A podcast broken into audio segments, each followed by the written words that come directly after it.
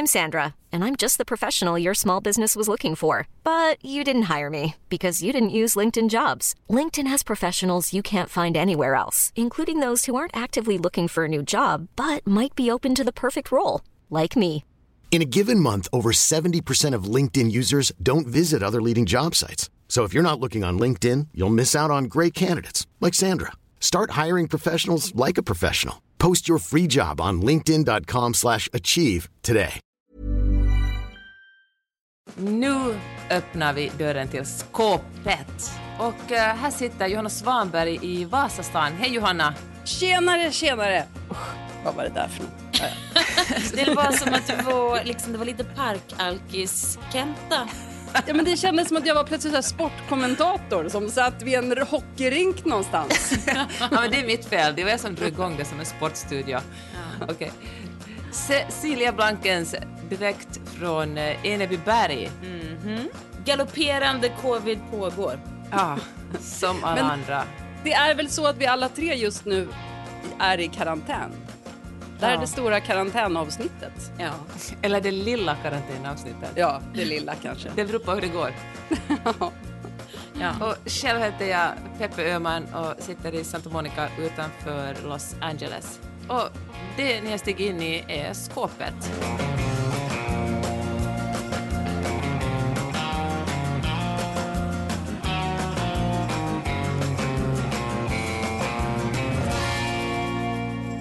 Johanna, vad har du tänkt på i veckan? Jag tänkte på en grej, eller jag, så här var det, jag tänkte inte alls på det, utan jag läste en tweet som jag, och när jag läste den så tänkte jag, ja det är roligt formulerat, men det är också så sant. Varför har jag inte tänkt på det här förut? Det var en tjej som skrev om att, eh, att kvinnor hånas för att de gillar eh, så här, eh, romans, alltså romaner med kärleks, kärleksromaner heter det. Mm. Och du vet, romcoms och sådär. Romcoms, vad är det här? Är det här... är, det, är det covid som får mig att uttala ord konstigt? I alla fall, romcoms kan vi säga också. Eh, där, där bra saker händer eh, kvinnor. Och folk tycker istället att man ska kolla på sånt, ja men du vet, eh, genrer där kvinnorna, där inget bra någonsin händer en kvinna, utan de blir mördade, de blir våldtagna, de blir... Att det ska, Lemläst. Ja, att det är liksom att den sortens filmer och böcker är det som ska anses Ah. vara bra. Men är det inte generellt så att lite så här lycka och framgång är, är lika med liksom, ja, lite, li, lite låg Ja, men det är lite finare. Blir någon mördad och det är liksom en kille som får springa, då är det, då är det lite bättre än om det är en kvinna som är lycklig i sitt liv. Ja. Att det är så här, hon skriver “No, don't watch that feel good love story where a woman lives happily ever after. Watch this movie about a dude with a dead wife who fights a bunch of other dudes and at one point sleeps with a 20-year-old who's on screen for five minutes for three of them naked. It's so much better.” Eh, Då sant. känner man sig, ja men det är ju så. Hur, hur kan jag inte ha tänkt på det innan? Att det man blir hånad för är när det går bra för kvinnor. Jo, men om man nu ska ta det vidare så är det inte också lite så att, alltså om man tänker den klassiskt kvinnliga liksom populärkulturen som, ja, är, jag vill säga det igen då, romcoms. Nej men du vet alltså, Mm. eh, nej men gud jag kan inte ens komma ihåg vad hon heter, mitt huvud. Alltså Love världens är mest det den du känd- ska komma tillbaka Nej! till igen? Världens mest kända skådis typ som... When Harry Met Sally. Nej! Inte ens en film, det är en person som jag känner till. En person. Julia Roberts. Nej! Hon med håret. Vad heter hon? Hon med frisyren. Hon med- Friends! Jennifer Aniston! Åh, Ray, um, Jennifer Aniston. Okej, Så ja. illa är det Hon alltså med mig. håret. Ja. ja men, det om hon är liksom sinnebilden för den typ av filmer, kvinn, kvinnliga. Eh, jag gör en, en, en sån här eh, fingergrej. Eh, grej. alltså quote on quote fingergrej. Mm, inte, inte fuck off-fingret. Nej, precis.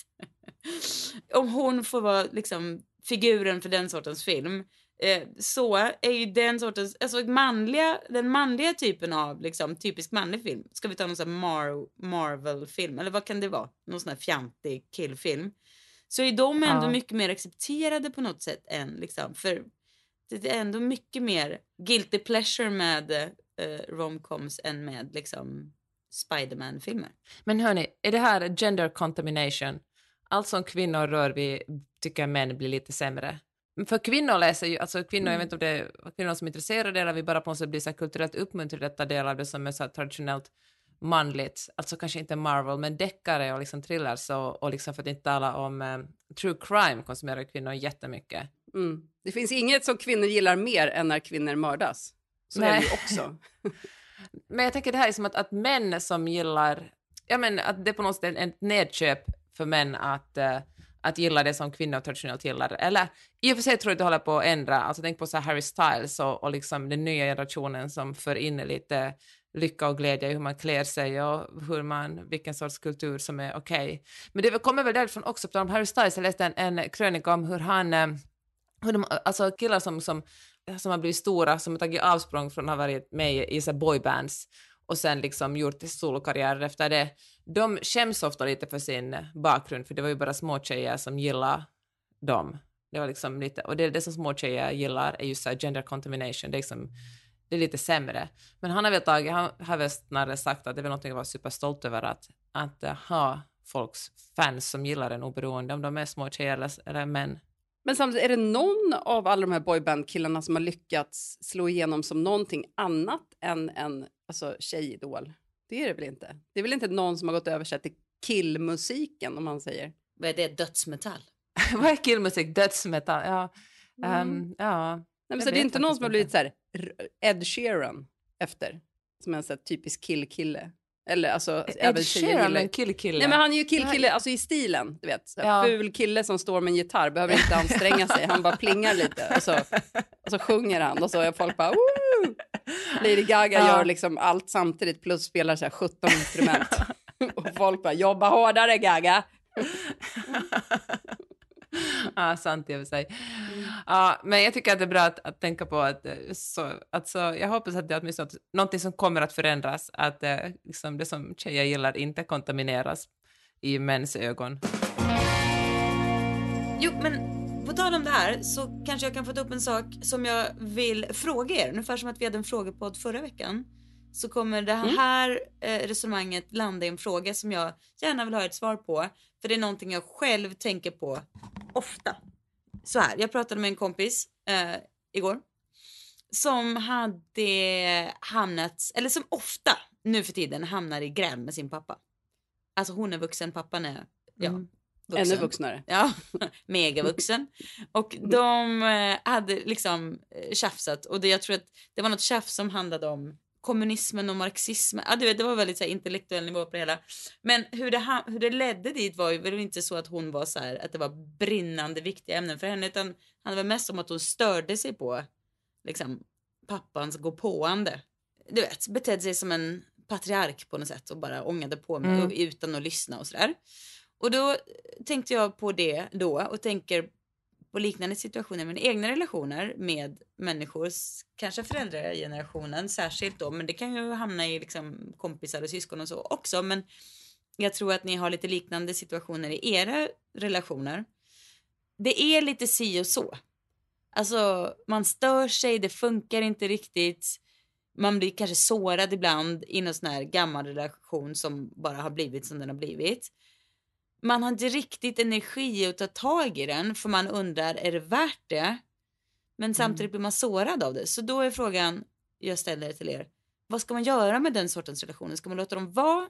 Eller ska man liksom, är det värt att ta tag i dem? Alltså, jag personligen i mitt liv just nu skulle inte ta mig den tiden att lösa det. Det låter så hårt, men jag vet inte. Jag tycker det, finns så mycket. Man får ju liksom göra någon sorts prioriteringslista och Mm. har man många grejer som man också måste göra. Alltså för något sånt där kan vara så himla krävande. Alltså jo, jo, det men, är. men sen kan det ju vack- en vacker dag vara för sent. Det är ju det. Och då sitter man där och Ja. bara, fan, vad hade jag för korkad prio-lista egentligen? Ja, men eller så är den inte så korkad för att Nej. man måste, alltså man kan inte hinna allt och det tror jag liksom är en, en typisk grej att Alltså det värsta jag kan tänka mig är att gå in i något, vet, ta mig in i någon sorts korridor där jag plötsligt bara måste jobba på någonting som jag inte är säker på kommer ge mig någonting. Eh, men som kommer ta en massa av min tid och en massa av mina tankar. Jag vet inte, jag kanske är, jag kanske är lat och bekväm på det sättet. Men Jag tror ändå på prioriteringar. Men jag, jag tror att, vet du, Sista, jag tror faktiskt du gav mig det här rådet för jättemånga år sedan när jag hade, var i en liten sån situation och då sa du så här att, att eh, men kan du skriva ett brev? Alltså för att skriva, att formulera sig själv, då, om man är tvungen liksom att skriva ner någonting, då är man också tvungen att fatta vad det man egentligen stör sig på. Och uh, ibland kan det ju räcka att man skriver det brevet och så läser man det själv och uh, så, gör, så gör man det som Johanna säger, bara går vidare och tänker att det här är olösligt eller, eller det här är inte värt att bråka om. Eller så kanske man skriver om det och skickar det till den personen och ser vad som händer. Ja. Mm. Jag har ju varit i en sån här situation och det, alltså att jag låter så uppgiven kring det är väl just att när man väl har försökt ett antal år så kanske man känner att vi kommer inte vidare. Nej. Plus att det är ju så smärtsamt. Mm. Jo, absolut. Men det är väl det att man får ta det mer på sparlåga i så fall. Att liksom inte ge sig in i att kunna ha en relation där man inte ger sig in i liksom själva bråket utan man låter det liksom flyta på ytan för att man måste inte lösa allt för att det känns inte som att allt går att lösa. Men ah, sen kan ju också tiden förändras. Alltså jag, har, jag bråkar så fruktansvärt mycket med min pappa. Alltså jag kommer ihåg när jag var 16 år och hälsade på honom i Tyskland, han bodde där då, så kickade han ut mig en gång, så satt jag där på trappan i nattlinne och äh, visste inte riktigt vad jag skulle göra. Men äh, sen fick jag komma in senare, men det var verkligen en ett, inget bra situation för vår relation. Och, och, men det har liksom varit så att vi har, vi har också varit väldigt, alltså jag har aldrig tvivlat en sekund på att han inte älskar mig och han säger det och vi har också haft väldigt bra stunder, men det har verkligen, det har varit väldigt så att, eh, explosivt. Jag har blivit så provocerad av honom och han har blivit så provocerad av mig. Men nu när han, just när det kommer till pappor, tänkte jag, de tenderar ju att bli snällare med och lugnare med åren. Liksom. Jag vet inte om det handlar med testosteron att göra, men på sistone det, så... Det låter som vi pratar om så här, hundar eller något. De tenderar att bli lugnare med åren. så när han, är, när han är lugn och gör som jag vill, då ger jag honom en liten bit godis och så säger jag hans namn så att han ska associera det med någonting bra. du tar inte spikkopplet, utan du tar liksom bara ett helt vanligt strypkoppel. ja, nej, jag har sele. ja, men, alltså, den här sensmoralen i den här lilla historien är att tänker att vissa saker kanske också blir bättre med åren. Att, alltså, vissa personer i ens närhet kommer alltid att vara idioter, det är kanske omöjligt att, att påverka, för det är väldigt svårt att få en annan människa att ändra sig. Men ibland kanske de personerna befinner sig själva i en jobbig situation på annat håll i sitt liv och, och bara behöver ta sig ur den och uh, lugna ner sig med tiden. Om det är något tröst. Jag tänkte jag ville komma med något trösterikt. Ja, men det som jag, det som jag ofta gör och tänker är att så här, mm, acceptans. Nu är inte alla relationer perfekta och det är okej. Okay. Sådär. Och det funkar ju oftast. Men sen är det ju trots allt så att man inte har kontroll på, man är ju alla sina liksom, man bär ju alla sina åldrar samtidigt mm. på något sätt. Alla sina sorger, de, när man minst anar det kommer den där lilla tioåriga ledsna mm. ungen som, som inte alls förstod vad som hände, liksom gråter hejdlöst över någonting som man trodde man hade kommit i acceptans kring. Och då undrar jag, tänk om man skulle ja. vara dumt. Liksom. Man kanske bara, tänk, om man, tänk om det fanns en chans att man kan reda ut relationer så att de känns trevliga, så att de bidrar med massa bra till ens liv. Men alltså jag tycker att det låter snarare då kanske som att det är terapi man går i. Jo. Det behöver ju inte vara med personen alltså, mm. direkt som man behöver lösa det, utan det är kanske snarare att handlar om att man måste lösa sina egna komplicerade känslor kring det och det behöver ju inte ske genom att man pratar med den personen Nej. som gör en ledsen. Nej, jag gjorde sant. en, äh, min kompis Frida sysslar med något som heter Equis coaching som hon coachar människor med hästar. Alltså det finns en häst med, man är inne på en ridplan eller en, en round pen och så coachar hon människan och så på basen av hur hästen reagerar, hästar är superkänsliga. Och då brukar hon använda mig som så här testperson när hon vill testa något nytt. Och så gjorde hon en grej, jag skulle sitta på en stol mitt i, på den ridplanen och så skulle hon, så skulle jag prata om tioåriga Peppe. Och det var så starkt alltså. Jag, jag bara, när jag tänkte på, på tioåriga mig själv började jag tycka så synd om henne. Och det var verkligen ingen tragedi i mitt liv. Alltså mina föräldrar skilde sig under den tiden, men jag upplever aldrig att jag har varit speciellt eh, skadad av det. Men när jag såg tillbaka på den där lilla flickan, jag, alltså gud vad jag grät. Det var verkligen, det var så många känslor som bubblade fram. Så jag tänker att eh, kanske det är bra att hälsa på sitt äh, tioåriga jag ibland. Och, eh, ja, eller så kanske man inte, fan vet jag. Det var i alla fall en jättefin upplevelse ändå. Mm. Ja, jag tycker det låter trevligt. Som sagt, man, man kan ju inbilla sig att man kan gå vidare från saker, men det kan man ju delvis. Man kan ju leva med det, men man, det försvinner ju liksom inte. Det är inte så att man bara, japp, då var det klart. Alltså det finns Nej. ju det. Man har ju ändå upplevt det Mm. liksom. Och jag vet inte riktigt vad jag Ja. fick för svar, men jag tror att svaret från er var att man inte måste lösa det, utan man kan. Det kanske också är så att det är alltid något liksom. Och det så ska det väl vara. Det finns väl inget liv som bara sen allt är utrett, allt är perfekt, alla relationer bara mm, Nej, verkligen. för det Så vore det ju ett extremt konstigt liv. Om man ska plocka fram en mindre sympatisk sida av mig, men det som jag verkligen kan störa mig enormt mycket på är när folk tror att de är de enda som har utsatts för någonting svårt i livet. Alltså, Mm. som, som deras känslor på något sätt är helt unika. Och det är på något sätt så otroligt oempatiskt att gå omkring och känna så. Sen har man ju rätt att såklart att ta ut all sorg eller, eller all besvikelse. Det, är liksom inte det jag menar att folk ska tona ner sig. Men eh, att tro att man är helt unik, för det är man inte. Jag tycker det är något ganska fint med att fatta att man inte är unik, utan att det verkligen, att känner man någonting riktigt starkt så är det antagligen en mycket universell känsla, man är verkligen inte ensam om den. Verkligen. Istället kanske hitta någon slags tröst i det. Det är som att när man har gått upp extremt tidigt för att hinna med ett tåg eller åka med ett flyg. Och Ja. man känner sig liksom, nu borde folk stå och applådera. Ja. Och så, så kommer man till, till centralen eller till Arlanda Ja. och så är det fullt av folk som har gjort samma sak och en del har liksom småbarn. Det vill säga de har gjort ett ännu större jobb. Precis, det var som den där barnlösa kollegan som bara åh gud, alltså det är så jobbigt, det är så stressigt och bara uh. Och man själv hade tre blöjungar typ och bara sov cirka 30 minuter per natt. Men ja, exakt. jätteprovocerande.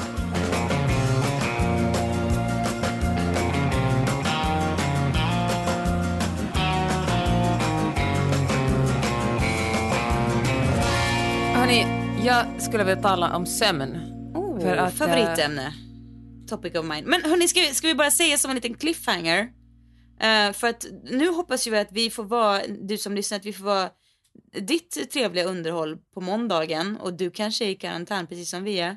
Och då eh, är det jättemysigt, men vi kommer också komma med massa tips på saker att göra i karantänen längre fram i podden. Så det blir mysigt nu och det blir mysigt sen och det kommer finnas saker du kan ta med dig framåt i eh, dina lediga, nej lediga, sjuk, ah, dagar. Precis. Eller bara tvångskarantän för att någon annan är sjuk.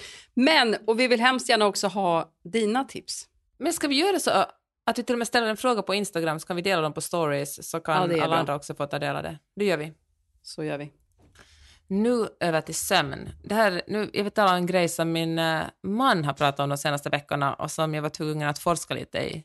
Han sa nämligen så här att förr i tiden, ända fram till 1700-talet, var det vanligt att man sov i två skift, alltså first sleep och second sleep. Och mellan first och second sleep så gick man upp och hade lite mysigt, tog en, det som man är jetlagad ungefär. Man tog en macka och pratade lite med andra i familjen och sen gick man och la sig igen för att, eh, och sov sin dagens andra. De låg också. Det vad jag har hört när Ja, jag läst om det. ja. Mm. Hade de schemalagt det tror du? Ja, det hade de. De, de schemalade varje dag för de var grott, grottmänniskor. De hade ingen hyfs. Alltså det här med två skift är ju jätte, jättespännande tycker jag. Också att, att det finns så många olika sätt att dela upp dagen i. Alltså det som vi... Eh, sen, sen slopar man det här eftersom man ville eh, att de som var rika kunde stanna uppe senare på kvällarna och med tända ljus. Och också för att man kom in i något slags kapitalistiskt tänkande att man ska vara effektiv. Det var ju som inte effektivt att slösa bort flera timmar mitt i natten, eller åtminstone en, genom att bara ligga och hänga och äta, utan man ska sova under en till natt och sen jobba, jobba, jobba. Men jag tänker att det här kan vara en tröst för folk som vaknar mitt i natten och har ångest. Du vet, man vaknar så här vid tre, fyra och sådär, herregud, jag har glömt bort att betala den där räkningen, eller kan jag ens betala den räkningen, eller jag liksom har stress över någonting. De där helt irrationella tankarna som känns helt lugna på morgonen, men som verkligen river upp ens hjärta på natten. Och, man, och när man vaknar upp, då kan man istället tänka så här att, att, uh, att ja, ja, ja, det var ju bara första skiftet. Nu kan jag bara ta det lugnt, mysa lite, kanske läsa eller göra något annat och sen tar andra skiftet mig snart. Alltså inte känna det som ett misslyckande när man vaknar på natten utan känna att det är någonting helt naturligt. Ja, men det, skillnaden är väl om man har en tid man ska upp. För det är ju Exakt. den som man då ligger och räknar mot. Att om man vet att 06.50 då kommer larmet låta. och, och då är andra skiftet inte lika lockande liksom. Nej, men jag, jag är ju en person som har sovit precis sådär. Alltså jag, jag har väl aldrig varit någon så här tung sovare men sen jag fick barn så blev det verkligen, jag var liksom tvåskiftes sovare Länge. Och det ska jag säga er drev ju mig till vansinne till slut alltså. Och det var, jag var så trött ett tag en gång, eller det är egentligen två gånger som jag liksom har liksom helt så här kollapsat mentalt av sömnbrist. Och, men då är det alltså åratal av snitta tre fyra timmar per natt och va, ligga Mm. vaken ett par timmar emellan och så. Och då hjälper det inte att man andra skiftet för det är så här, ja men det är ju fine om man sen klarar att sova på morgonen. Men det gör man ju inte. Och också man kan ju inte gå och lägga sig sex på kvällen. Det, det funkar liksom inte. Det är ju härligt att tänka att det är absolut det är som det ska på ett sätt men det är ju liksom utvecklingen som inte har hängt med utvecklingen så att säga. Men hur har ni klarat av när ni har haft svårt att sova? Har ni några tips att komma med? Ja, men, alltså, jag vet, alltså, den första gången när jag bara fick nog. Alltså båda gångerna har det varit eh, fina vänner som har så här, tagit mig i handen och sagt så, nu, nu håller inte det här längre. Första gången var det du Johanna. Då vet jag att jag hade, jag satt i en korsning, vi bodde i, eller jag satt i en korsning, skulle göra en vänstersväng, det var jättekörigt med trafik. Jag vet att jag tänkte så här, men gud vad härligt om jag blir påkörd alltså. Då kommer jag ju åka in på sjukhuset, kommer säkert bli nersövd. Åh, fy fan vad skönt. Och sen näst, bara så här, nej men det här kändes inte som en så här, något, något är inte som det ska. Jag kanske borde, ja i alla fall. Då var du Johanna ju jättebestämd på ett bra sätt och sa att nu får du faktiskt ta tag i det här. Och så tipsade du mig om en eh, KBT eh, terapeut som sen visade sig ha legat med Per. Men det var innan vi var ihop så det var, det bara en slump. Men Det visste jag inte då. Nej, det visste inte Eller det, det var han som hade, jag vet inte, de, det var inte hon som hade liksom, eller ja, de hade haft ihop det. Men det har han ju haft med många, så att det sa väl mer om honom än något annat. Ska man hitta en KBT-terapeut som Per inte har legat med kommer det bli snårigt. Då kommer Jag få tyckte jobba. faktiskt det var ganska kul. Alltså jag, jag, gud, jag är så otroligt osvartsjuk så jag kunde inte ens, jag tyckte nästan det var lite spännande. Eh, nej men så försökte jag ta tag i det och fick jättemycket bra hjälp faktiskt. Eh, och eh, det handlade mycket om, nej men man måste ju verkligen ta det på allvar. Det är liksom som, jag tror man får se det som en kronisk sjukdom. Alla kan sova, så är det ju. Men alla kan inte sova with ease, att det bara händer. Utan vissa av oss måste ha det som ett... Eh, jag måste natta, när jag nattar mig själv på kvällarna, det är liksom en lång, lång, Men berätta, lång kan du inte berätta om din rutin? Ja, men alltså nu, sen, har jag, sen har jag gått in i ett annat steg efter det här. Men det var under många år i alla fall när jag eh, då... Man, må, jag, man både mediterar, det handlar om att ta på sig, liksom, börja i tid. Då. Man får inte ha, skärm i sovrummet är ju helt förbjudet. Titta på något i sovrummet får man absolut inte göra. Eh, man ska inte titta på något när man går och lägger sig, man ska inte äta något, man ska inte liksom... Man ska bara liksom foka på så här lugnt och trevligt. Och det ska man göra liksom en timme innan man går och lägger sig. Ska det vara mjuka kläder, eh, bra temperatur, man kanske stretchar lite mjukt möjligtvis, man mediterar, man kanske läser en bok men då får det vara en snäll och fin bok. Eh, och så går man och lägger sig och i bästa fall, för man vaknar fortfarande, men i bästa fall kan man ha kvar den här otroligt trygga känslan i bröstet och bara liksom falla tillbaks i sömnen. Men sen ham- halkade in i en ny så här riktigt pissig sovperiod eh, för något år sedan kanske. Och sen i höstas så var det liksom samma sak att jag bara var helt... eh, Ja, du vet, jag, det var kunde bara enda jag kunde fantisera om var att få sova. Jag bara, det, vad är det här? Jag, ja, och Therese, då var det Teresa som bara fick sitta och hålla i mig när jag grät som en bebis och bara, jag vill sova. Och då sa hon så här, nu går du till en läkare och så skaffar du medicin. Och då gjorde jag det. Mhm.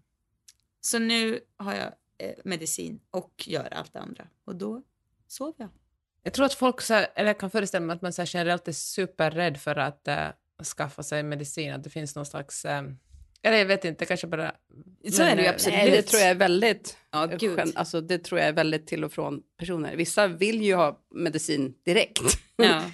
ja, jag stretade emot i tio år och det ångrar jag ju fruktansvärt mycket att jag gjorde. Alltså, Men är du en sån som även vägrar liksom Ipren och sånt där? Alvedon? alltså vägrar, nu låter det som någon slags antivaxxer. Nej, men jag vet inte. Nej, men det var bara någon sån men du är lite emot det, eller hur? Jag har mig att du är det. Jo, nej, men det, men- så är det absolut. Jag, jag tror att jag, jag har lite kanske någon teori om att det kan vara lite bra att inte ta för mycket smärtstillande för att man liksom inte vet hur sjuk man är då. I alla fall blir jag lätt sån tror jag.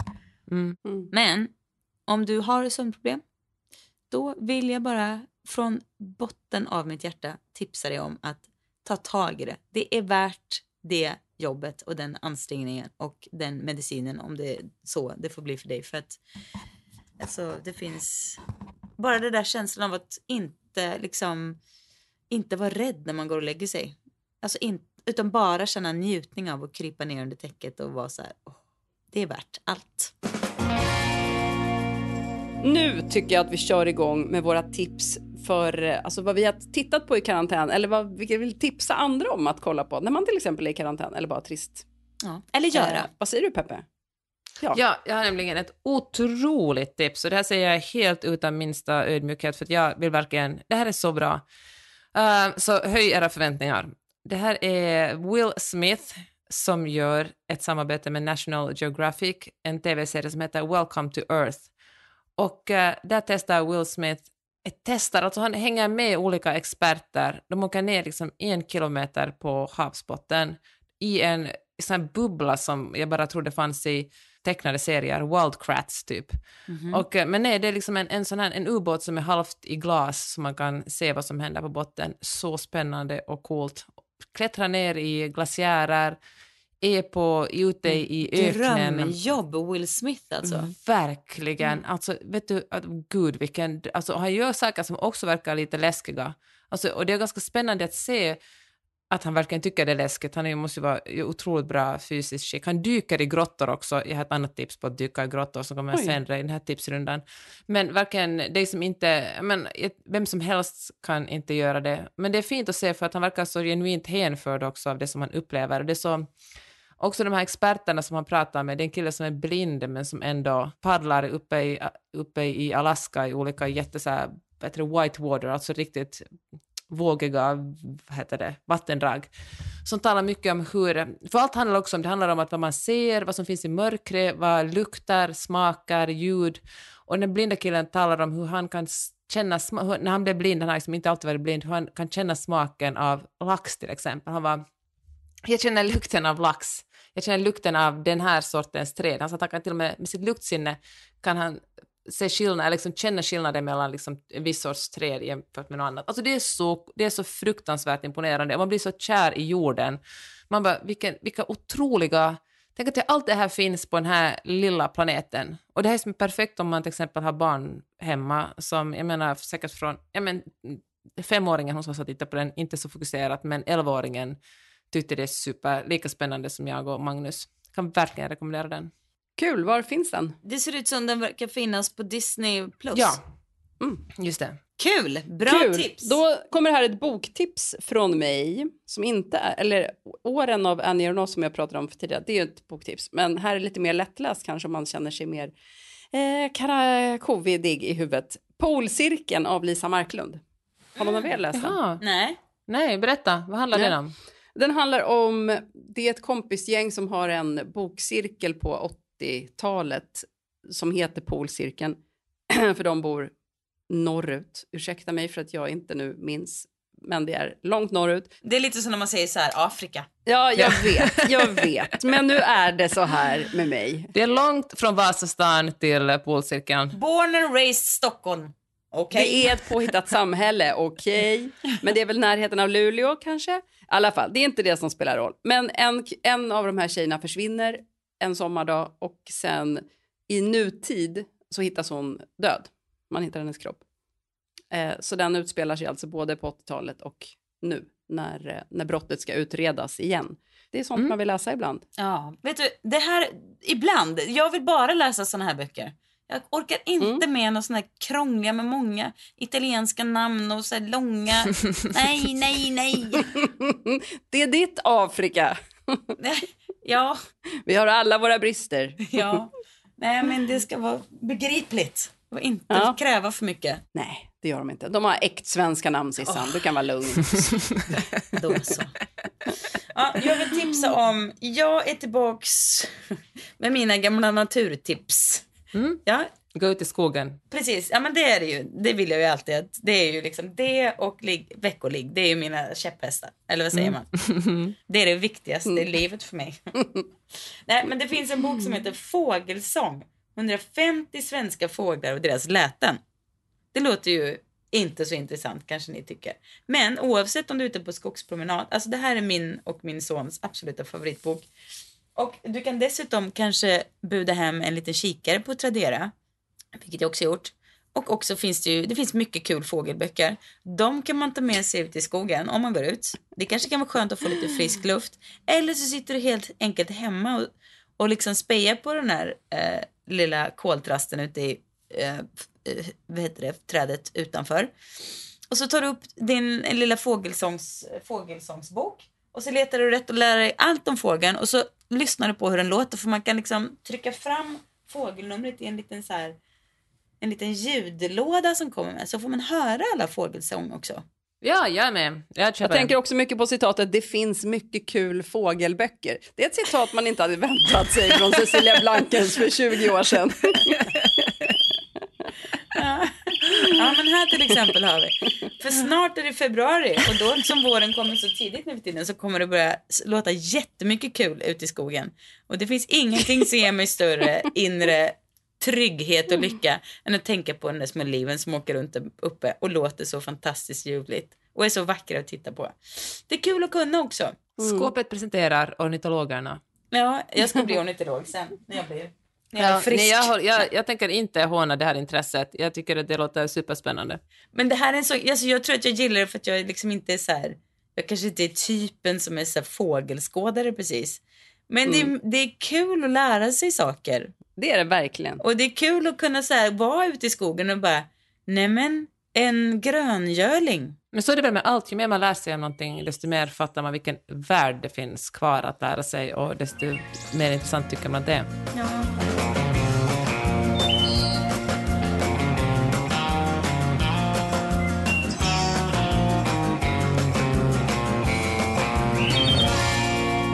Jag har gått och ner med dokumentärer de senaste veckorna och här kommer tre stycken riktigt bra. Ett, Roadrunner, som handlar om Anthony Bourdain och hur det kommer sig att han eh, blev så känd och uh, hur han mådde och uh, nej men hans liv. Och nu tänker ni, gud vad deppigt, han, uh, han dog ju i, i självmord, men det är ju jättesorgligt. Men det är någonting väldigt, väldigt fint i den här dokumentären och inte bara så sorgligt fint utan också jättemycket livsglädje och eh, hur människan påverkas av att bli så jättekänd. Och, eh, ja, men den, den var verkligen en jättefin om, om livet, hur bräckligt det är och hur, mäns, hur, eh, mänsklighet. Jag tycker det är jättefint när man, när, om det är böcker eller dokumentärer eller till och med poddar som lyckas förklara mänskligheten, liksom, hur, man, hur det finns någonting väldigt likadant Mm. i oss alla. Tyckte mycket om den. kanske ska säga att om, om man inte vet vem han var så var han ju en otrolig kändiskock. Blev upptäckt väldigt sent i livet, eller vad man ska upptäckt, men alltså han började göra sin, Ja. sin kändiskarriär började när han var liksom 40 plus, 50 Drygt 40, kanske. det är ju också väldigt Ja, kul tycker precis. jag. Bra poäng. Det var verkligen, han, han var liksom färdig, han var så att han hade kommit ganska långt i restaurangvärlden och tänkte att han, hade- hans karriär nått sin kulmen och sen fick han ett erbjudande om att skriva en bok och då skrev han Kitchen Confidential som jag börjar läsa om nu för det är verkligen, det han skriver om hur det är att jobba i, eh, i restaurangkök och det finns saker som liksom, jag tror att jag läste den för 20 år sedan den här boken och jag tänker fortfarande på vissa saker han skrev att om man tycker att det är läskigt med blod då ska man aldrig äta på restaurang för det är väldigt mycket folk skär sig i fingrarna väldigt mycket i, Ja. i restaurangkök. Och vilka dagar man ska köpa fisk på eftersom det, det kommer, det kanske förändrats sen dess, men det kommer verkligen inte in fisk varje dag till restaurangen. Och att man aldrig ska tacka ja till eh, när det är dagens special, för dagens special är alltid någonting som restaurangen har fått på, no, antingen någonting som har blivit över från veckan som man måste få ut snabbt innan det blir dåligt, eller någonting som har köpt på extrapris som måste sälja stora, stora kvantiteter av. Men då tänker jag, om det är någonting som blir dåligt som ska slängas, då är det väl absolut en jättebra anledning att ta det, för då Ja. slänger de det ju inte. Precis, det är de, väl sant. de serverar väl inte gammal, den är inte Ja. gammalt kanske, det kanske bara är Nej, på gränsen. alltså klart inte. Så bra poäng. Hur som helst, Roadrunner heter eh, heter dokumentären och Kitchen Confidential heter boken. Okej, nästa tips. Jag kommer med två till dokumentärer. The Rescue som handlar om ett fotbollslag, ett barnfotbollslag som eh, är ute och cyklar i eh, grottor uppe i norra Thailand och så blir de här grottorna översvämmade så de blir, eh, ja, men de blir inlåsta i den här grottan. Och det, och det är inte kort heller. Det är två och en halv timme till där de är, Ja. alltså när man dyker. Det är så Men sinnessjukt. Varför var de där ens? Men det Nej, var, alltså, visst, det- ja. Ja, det är så, verkligen, det är så långt in i det här grottsystemet. Och, det, och, det, och så kommer man, det kommer människor världen över och, ska, och vill hjälpa till att rädda dem. Och Thailand har ett eget sånt SWAT, alltså så SWAT-team, alltså de mest liksom Navy Seals team, liksom. Inte SWAT, Navy Seals måste det väl vara. Men i alla fall de här liksom männen som är de fysiskt bästa männen i Thailand som är så otroligt drillade och utbildade och de försöker dyka efter de här pojkarna men de klarar inte av det. Och då måste ringa in några nördar från över hela världen som sysslar med hobbygrottdykning. Och så kommer det ett par sådana här kuttryggiga medelålders gubbar in och klarar av att dyka och uh, hämta ut de här killarna. Alltså, jag behöver inte spoila för mycket, men det är, alltså om man lider av eh, för lite klaustrofobi och vill lida av mer, är det en jättebra dokumentär att kolla på. Och det, jag kan säga att, eh, håll för öronen för er som absolut inte vill bli spoilade. Fast alla vet ju redan hur det här gick. med Man vet aldrig, alla klarar sig. Nej, Okej, okej. Okej, och här kommer en eh, sista dokumentär som jag tänkte jättemycket på dig Johanna när jag såg den. Det var handla, Den heter Too funny to fail och det är en dokumentär om Dana Carvey, kommer du ihåg honom? Han var den ena delen av Wayne's World.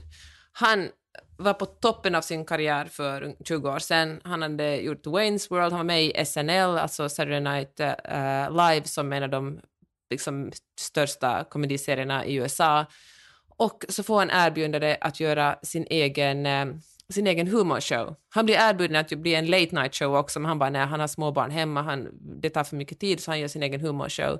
Och samlar han ihop de roligaste människorna han känner, bland annat uh, Steve Colbert, han uh, får med Louis CK och liksom uh, en, ett gäng med liksom som inte då var superkända, men som man vet att har kommit jättelångt idag.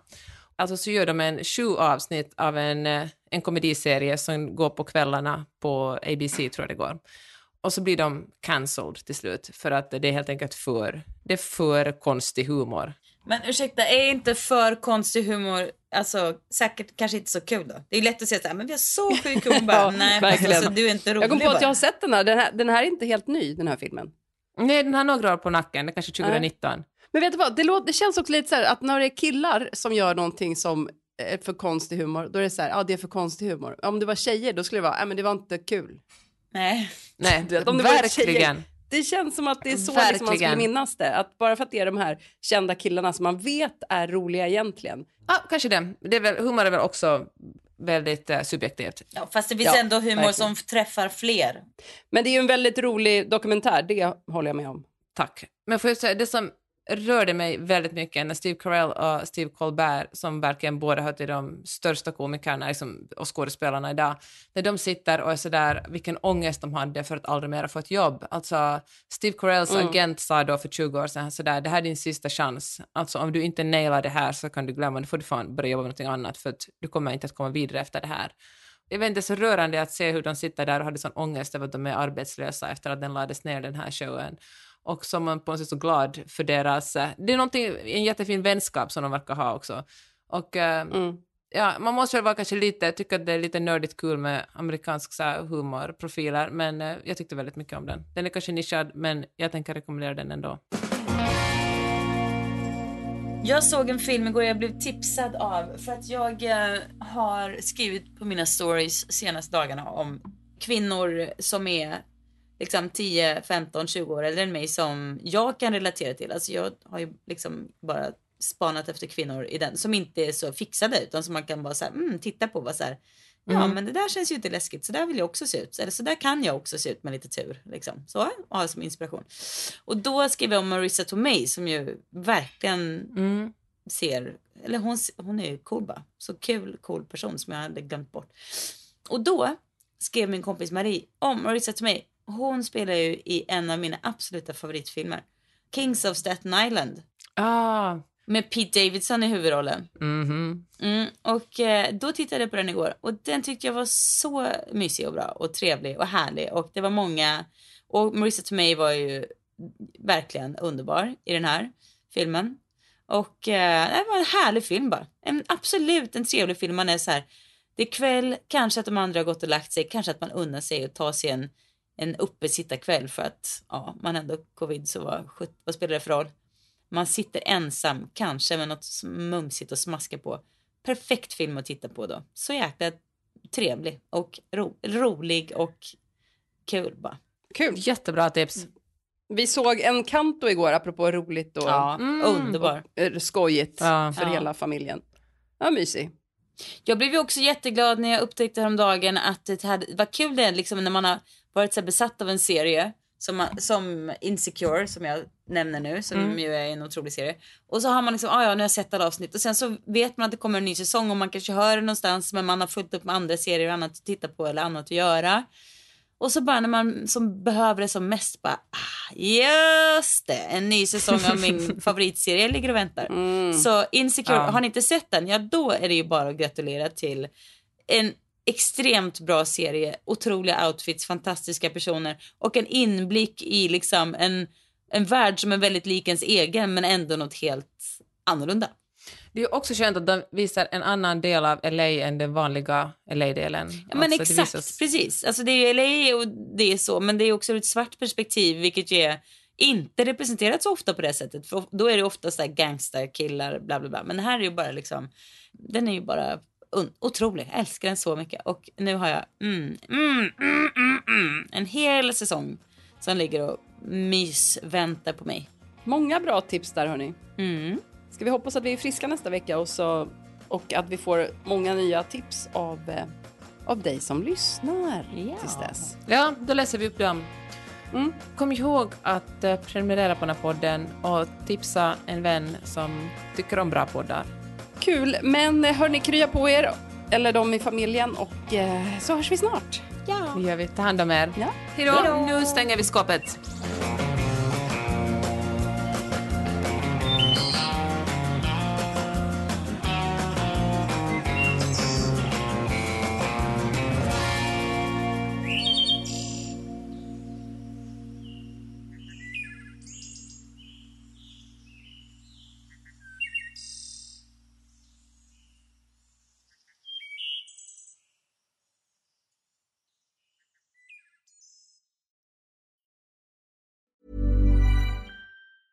Planning for your next trip?